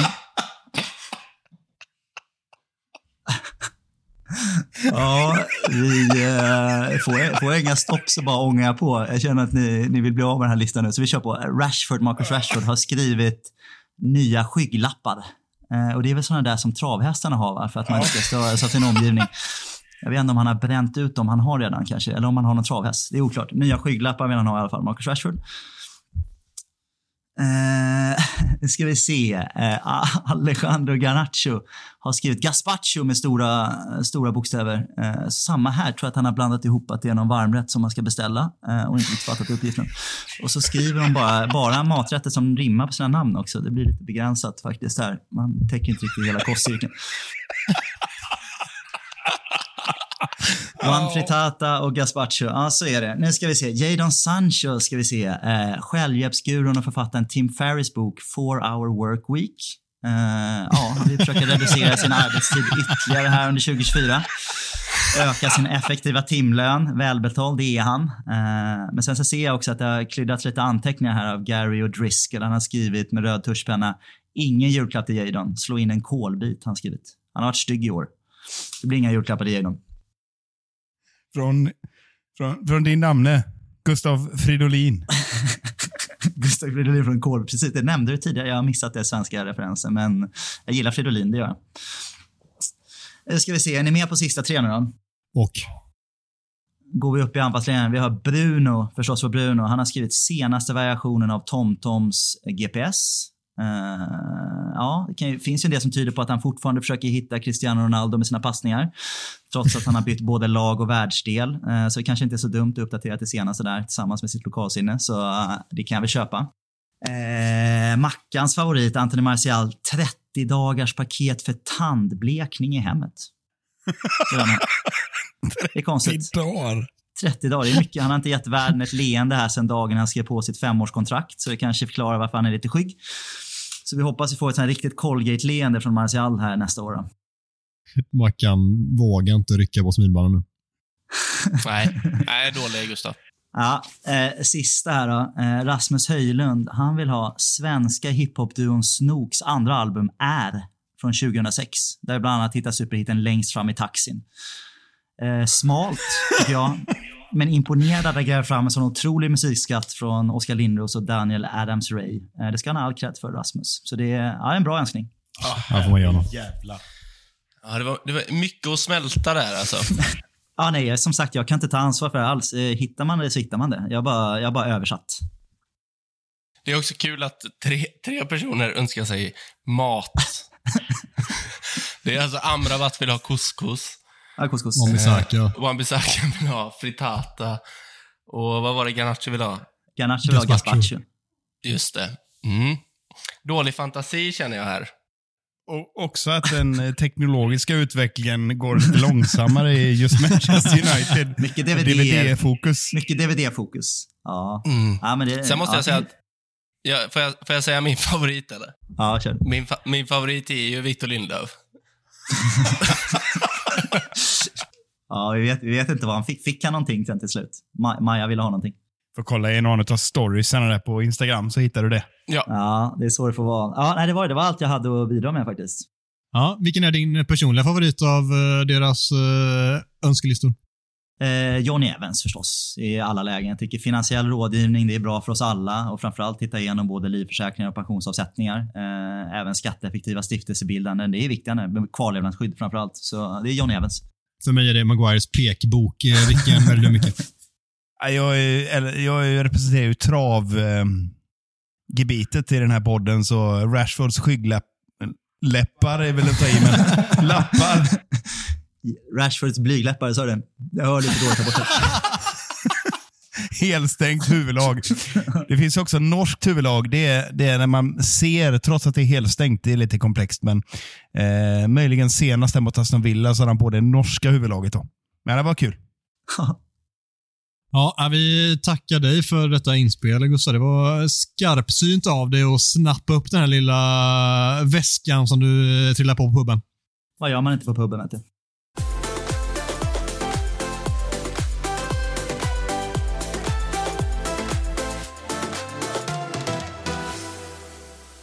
Fjärde och sista segmentet hägrar och det är givetvis, tänker ni, Mickes karriärrådslista. Ja, men jag tar lite fasta på Johnny Evans eh, önskelista och Gustav vet jag vurmar starkt för att man ska se över efterlevnadsskydd och försäkringar och sådär. Men lika viktigt är det att, eh, tycker jag då, som en gammal arbetsgivare, tror det eller ej, anställt eller människor, eh, hade aldrig, aldrig anställt Gustav, men jag har ändå tänkt lite grann så att när det går lite emot här för våra kära United-spelare så så är det ju faktiskt läge att man tar tag i det och kikar på alternativa karriärer. Och Framåt vet jag inte. Det känns som att de klarar sig, de flesta, rent ekonomiskt. Därför eh, tog jag mig friheten och kikade lite grann på alternativa karriärer om det inte hade blivit fotbollsproffs i just Manchester United. Vad tror du om det? det låter spännande. Det lysande. låter väldigt spännande. Det här vill vi ha. Ja, men det, blir ju, det är ju lite grann som Mackan är inne på. Här. Det är ju ingen lista här eller ranking, men, eller ni får känna av hur det är själva sen. Men eh, alltså, nu tänker jag mest sannolikt att det skulle ha blivit så. Men vi börjar i ett ganska givet hörn här, tänker jag. Och Då har vi ju vår eh, kära Mason Mount. Och Ni tänker ju så det knakar nu. Vad det hade han kunnat bli om han inte blev fotbollsproffs? Nej, men såklart greve. Eh, och vad menar jag med det då? Jo, vi har ju, alltså, vi har ju en kille som med all sannolikhet valde fel väg när han blev fotbollsproffs. Hans blotta uppsyn ger ju ganska tydlig indikation på att han har fötts in i framgång. Det ser man ju rätt tydligt. Så eh, vi har en välkammad och eh, liksom putsad yta som skriker private school med silverskedar liksom, eh, konstant. Han eh, tvingades ju bära uniformsliknande utstyrsel redan under blöjstadiet och blev inskriven på motsvarigheten till Lundsberg redan från dagis. Vad har vi där Gustav? Vad heter de fina eh, inrättningarna där borta? Nej, men det har gått på Eton med Boris Johnson. Alltså. ja, men mest troligt. Och hans pappa är ju förmodligen greve också då av Oxford eller liknande. Och mamma är ju någon slags avlägsen släkting till drottningen. Känns ganska eh, givet. Eh, redan i puberteten så blir han ju tingad också av en, eller ja, bortgift säger man också, av någon slags hertiginna i 40-årsåldern. Lite obehagligt. Det var ju därför inte konstigt att han såg chansen att bli räddad av Frank Lampard som smugglade ut honom med sin Range Rover under en tebjudning i anslutning till Buckingham Palace. Trots sin eh, nya veckopeng på 200 000 pund så anses karriärvalet fortfarande fult inom citattecken i familjen von Af Mount. Ja. Jag, jag, både, jag både håller med och inte håller med. Mason Mount känns väldigt kompatibel med önskelistan där att fan, Love Island säsong 7-9, hade inte Mason Mount kunnat kliva in i Love Island och varit lite knullig liksom i live-tv? Ja, jag kände också lite så Ex on the beach-aura på honom. ja, det är, det, det, är liksom, inte- det är inte Adinator eh, på Mount, men eh, han är någonstans där, eh, Love Island. Sen, vet jag fan, han är väl lite... Eh, jag tror hans päron är från, är de från sydkusten tror jag. Han håller ju på Portsmouth, Mason Mount. Ja, Det här, det här är helt... Gustav, kliv in nu och Så, bekräfta eh, min royalty... Vad heter det? Du får Ja, rätt och fel av mig. Nej, men jag tror, att, jag tror att han flyter lite emellan. Är inte lite så? Han är lite så här Love Island with a pinky ring. Liksom. Att han skulle kunna ha en sån här lillfingersring, vara lite adligt. Liksom. Så jag tror att han, ja, han flyter lite emellan. Jag tror att du är något på spåren. Det, det tar sig självförtroende att gå vidare, för vi har ju eh, en till kille här som vi ska titta lite närmare på. Och eh, ja, Jag hatar ju inte att närma, nämna Scott McTominay. Och Vad skulle han vara då? Men, men givetvis snickare, va? För det är något med den långa, gängliga kroppshyddan och den anspråkslösa frisyren som andas hantverkare. Så känner jag i alla fall jag när jag ser honom. Man ser framför sig hela släkten är starkt förknippad med byggsvängen på något sätt. Farfar Mac Carpenter, som han hette, han eh, hade också en total entreprenad på den tiden. och Hans pappa, då, alltså Scotts pappa, tog ju över firman och driver den tillsammans med hans sju, och, sju äldre bröder som är lite, ja, de har alla obegripliga gaeliska namn som ingen kan uttala. Men, men lille Scott kunde inte slå en spik rakt så han fick istället bära brädor och familjens snickarbälten som en slags eh, springpojke. Och till slut så adopterade ju José Mourinho honom och resten är historia. Men än idag så syns hans hantverkarbakgrund i spelstilen, vill jag påstå. På planen och visst, även utanför planen eh, så går han omkring och bär ett snickarbälte som han hänger av sig i omklädningsrummet. Har vi något där? Det här känns ju betydligt mer klockrent. De förra var 50-50, så du fan mitt i pricken. Ja, det här är bullseye. Vad säger Gustav? Jag är mest eh, känslig vad han, vad han tycker om det här. ja, jag vet att du är lite ängslig där. Det måste du jobba på inför nästa år, Micke. Försöka vara lite mer ängslig, ängslig från mina, mina bedömningar. Men jag, jag ger det ändå. Jag tycker här, här är du helt spot on. Jag tycker att eh, Scott McTominay har stark eh, knegaraura. Jag tänker lite såhär Scott Mac scaffolding som är stort här i England. Att det är lite de här byggställningarna oproportionerligt mycket scaffoldingbolag här. Så jag, jag skulle kunna se honom riva och slita upp lite såna här byggställningar runt, eh, runt konstruktionsplatser.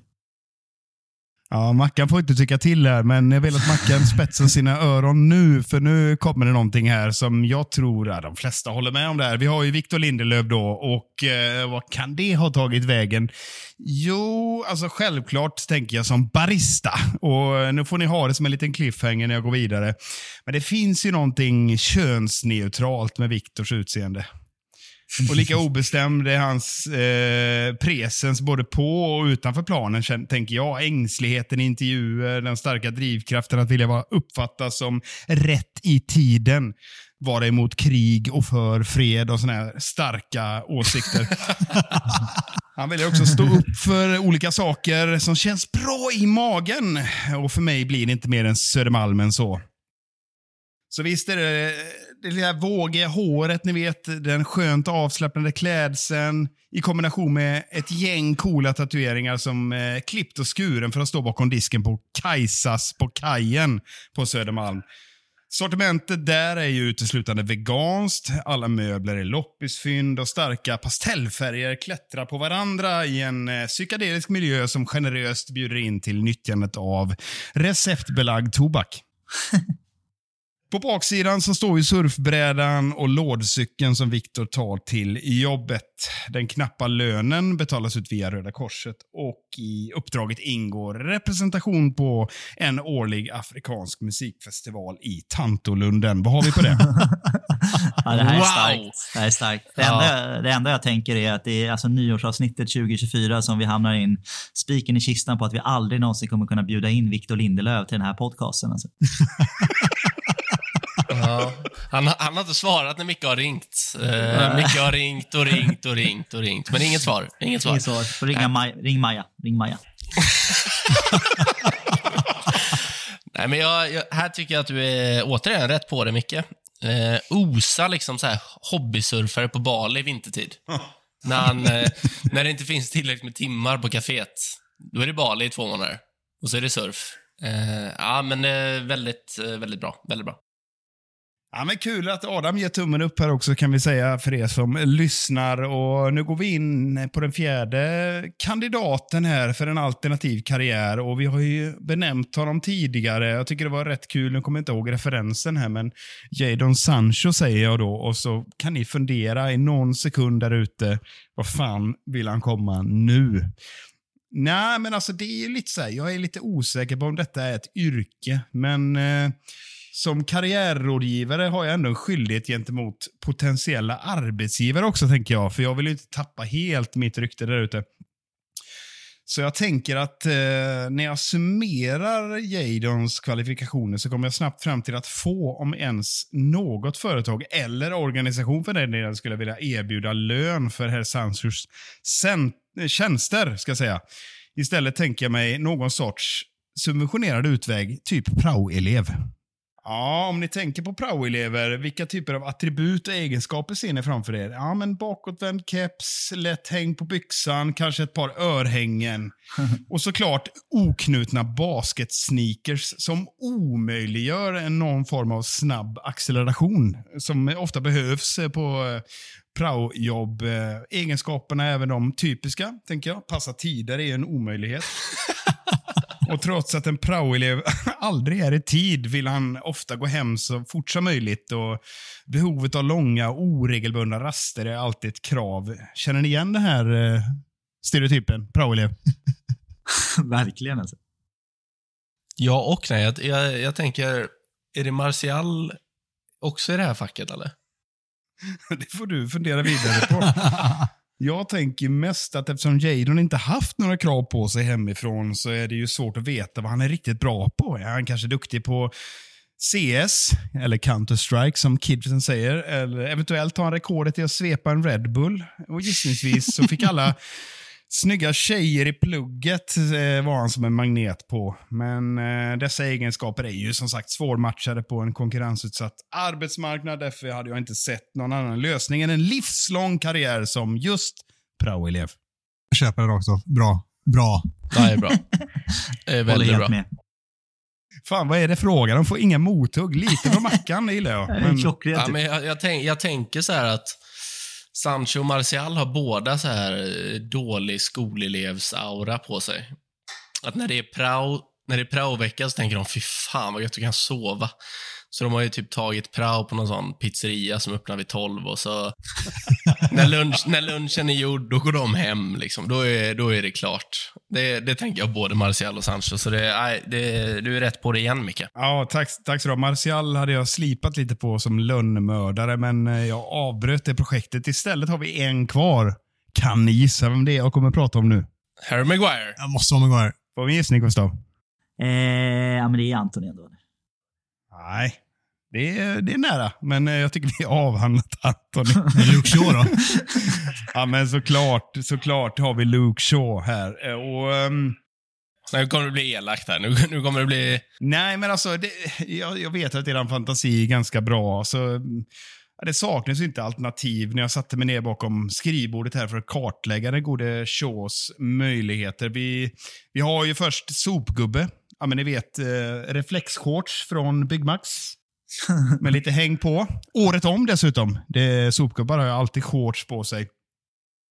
Vi har orakad med smutsiga nagelband. Kanske också en kartong ettan lös eh, framme i vindrutan där på lastbilen.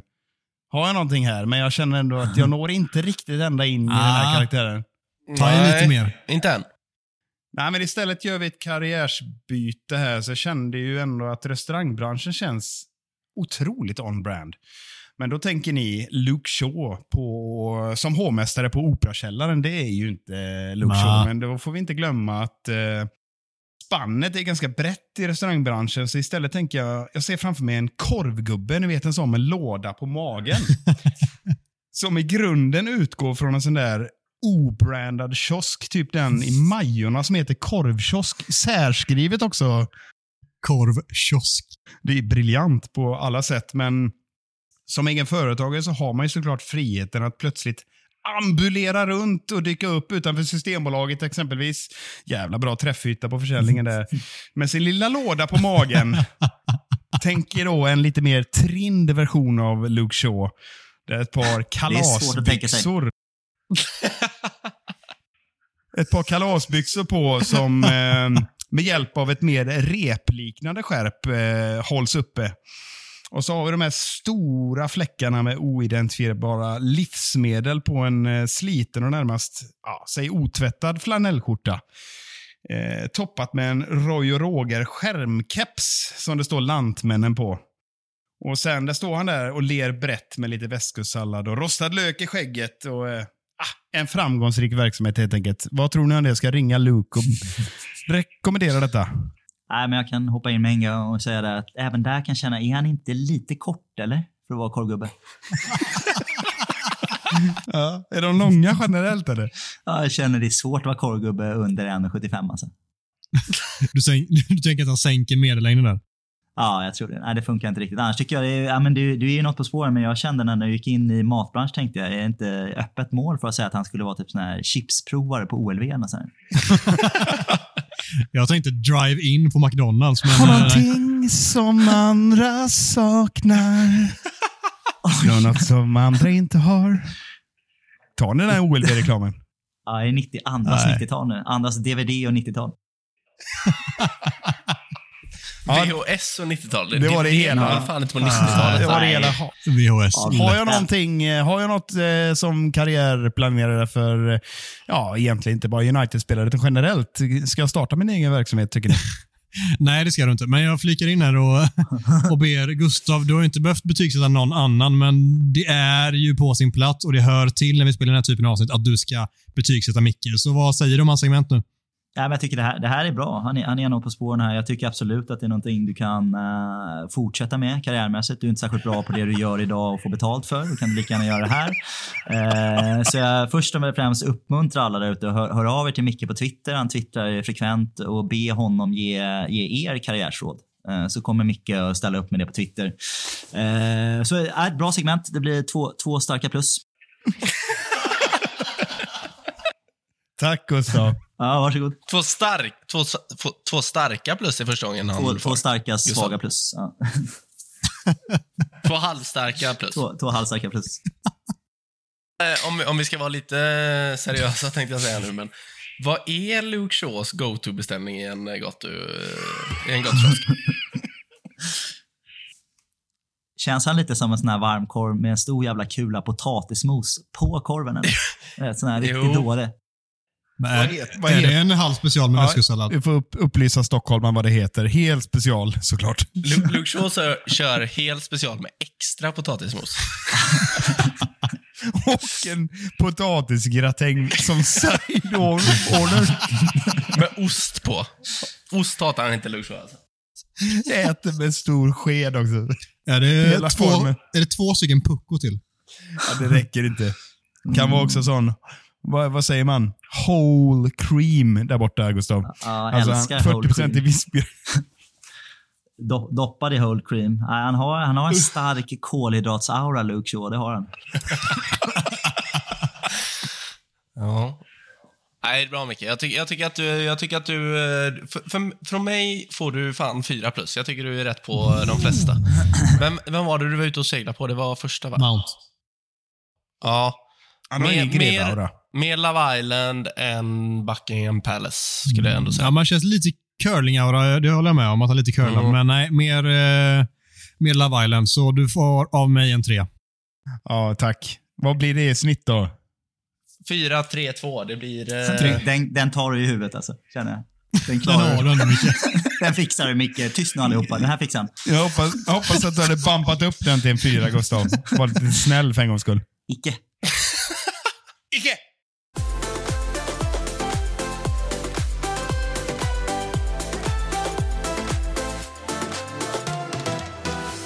Så ska vi sammanfatta den här podden. Eh, Micke, hur gött var det att sitta här gemensamt för första gången någonsin? Ja, det är helt magiskt. Eh, fortfarande kritiskt till Gustav som inte fick ihop sitt eh, Ryanair eh, guldexpresskort och kunde navigera förbi Göteborg innan på väg ner till sydkusten. Men annars så känns det fantastiskt.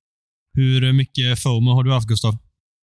Stark FOMO. Eh, det är alltid kul att spela in podd, men eh, ännu roligare om vi hade kunnat göra det tillsammans. Ja, ni, ni verkar ha haft jävligt kul där borta kan jag säga. Mycket som har klippts bort, men det, det har sett kul ut. Och det här är bara början för er, va? Ni ska vidare ut i natten här ikväll, är det inte så? Det ryktas om det här. Mackan är ju jävligt ivrig här och håller på och stampar och bonkar för att han vill ut och kasta pil. Han vill spela dart ikväll, säger han. Du, det vill jag verkligen alltså. Och eh, Det är ju också min födelsedag nu om två dagar här, så jag känner att ett litet firande är väl eh, på sin plats. Såklart. Det är det enda det. Mm. Gustav, du som inte får följa med då, du får ju betta. Vem tror du av oss eh, vinner på dart ikväll? Eh, jag tror ändå att, här tror jag att Micke skulle kunna vara bra. Han har stark sån här sport där man håller en öl i ena handen, aura. Jag tror att det, det, det är den typen av sport du är bra på. Så ja. det, där tror jag du har, där har du pole position alltså. Oj, oj, oj. Jag vet inte vad jag ska göra Nej, med det här berömmet. Alltså. Helt sjukt sagt. Helt sjukt sagt. Den vinner jag med fel hand. Vi eh, får helt enkelt knappa igen butiken där eh, vi kommer dock säga att det är jävligt viktigt att ni hänger kvar hela vägen här nu för efter den här gingen så kommer eh, Gustav att läsa upp sin egen snickrade dikt. Men det är alltid på sin plats att eh, läsa upp den här lilla raddan som vi alltid gör. Det här avsnittet gjordes i ett stolt samarbete med United-redaktionen på Svenska fans och den officiella skandinaviska supportklubben MUS. Vill du resa till Manchester? Bli då medlem i supportklubben på mus.se och få tillgång till deras 500 säsongskort på Old Trafford. Tack som sjutton för att ni har lyssnat på oss detta året. Vi är överlyckliga för det. Häng med oss nästa år så kör vi så det ryker i 2024. Gustav, över till dig. Ja, men tack grabbar. Jag vet, jag vet inte varför jag gör det. Jag gjorde det här för något, något år sedan, att jag, jag diktade lite. Jag tyckte det var väldigt sval, sval respons på det, så jag vet inte varför ni tvingade in mig att jag skulle skriva någonting här igen. Men nu har jag gjort det. Så det har blivit lite av en dikt här, eller, eller en sonett för er som ska vara lite i finkanten här. Lite löst inspirerad av filmen 10 orsaker att hata dig. Med en framliven Heath Ledger eh, och en ung Julie Stiles i huvudrollen. Men ni kommer ihåg den kanske? Stark film. Tre George Foreman-grillar i betyg. Eh, filmen i sig är ju också löst inspirerad av Shakespeares pjäs Så tuktas en argbigga. Eh, så det blir lite Inception här över hur många lager finkultur som kommer presenteras här. Och jag vet inte, är ni, är ni redo för det där hemma? Eller? Ja, Mackan har redan stängt av. Han förstår ingenting av Ja, det. jag, jag vet inte vad du sa nu. Nu nu blev det alldeles för mycket referenser där. Men det blir i alla fall en, en Shakespearesk sonett eh, inspirerad av tio orsaker att hata dig som heter lite drygt tio saker jag fortfarande älskar med dig. Nu kör vi. Adam lägger på lite stämningsfull musik här. Jag älskar hur Stratford End exploderar när jag kände att hoppet runnit ut. Jag älskar att Johnny Evans karriär fått en ny gryning när vi trodde allt var slut. Jag älskar att Kobe Mainu får chansen att utvecklas till allting han kan bli och att du än idag, sedan 1937, alltid haft en spelare från din akademi. Jag älskar din unika, rika historia som förtjänar en tiodelars dokumentär och hur andra klubbar desperat försöker kopiera dig medan du bara är. Jag älskar hur mycket vi fans blöder för varje ärr och sår och att vi alla står upp i vått och torrt trots så många titelfria år. Jag älskar det som hatar våra ägare, fastän jag inte håller med. Vi ville ha en ny, vi fick en kvarts. Kan det räcka? Vi får se. Jag älskar promenaden från puben via Sir Matt Busby Way till Drömmarnas teater, en av världens bästa platser enligt mig. Jag älskar varje cykelspark och varje avgörande mål strax innan slut. Och så fort Diogo Dalot får bollen hur hela läktaren ropar skjut. Jag älskar våra svenska poddlyssnare som vecka efter vecka hänger i, ger oss energi, håller oss ärliga och ser till att vi får vara vi. Men mest av allt älskar jag hur mycket jag älskar dig och alltid kommer att älska dig för allt du gett mig, för allt du ger mig och för allt du fortsatt kommer att ge mig i livets dalar och dess topp. För du är the famous Man United and you're never gonna stop. Gott nytt år.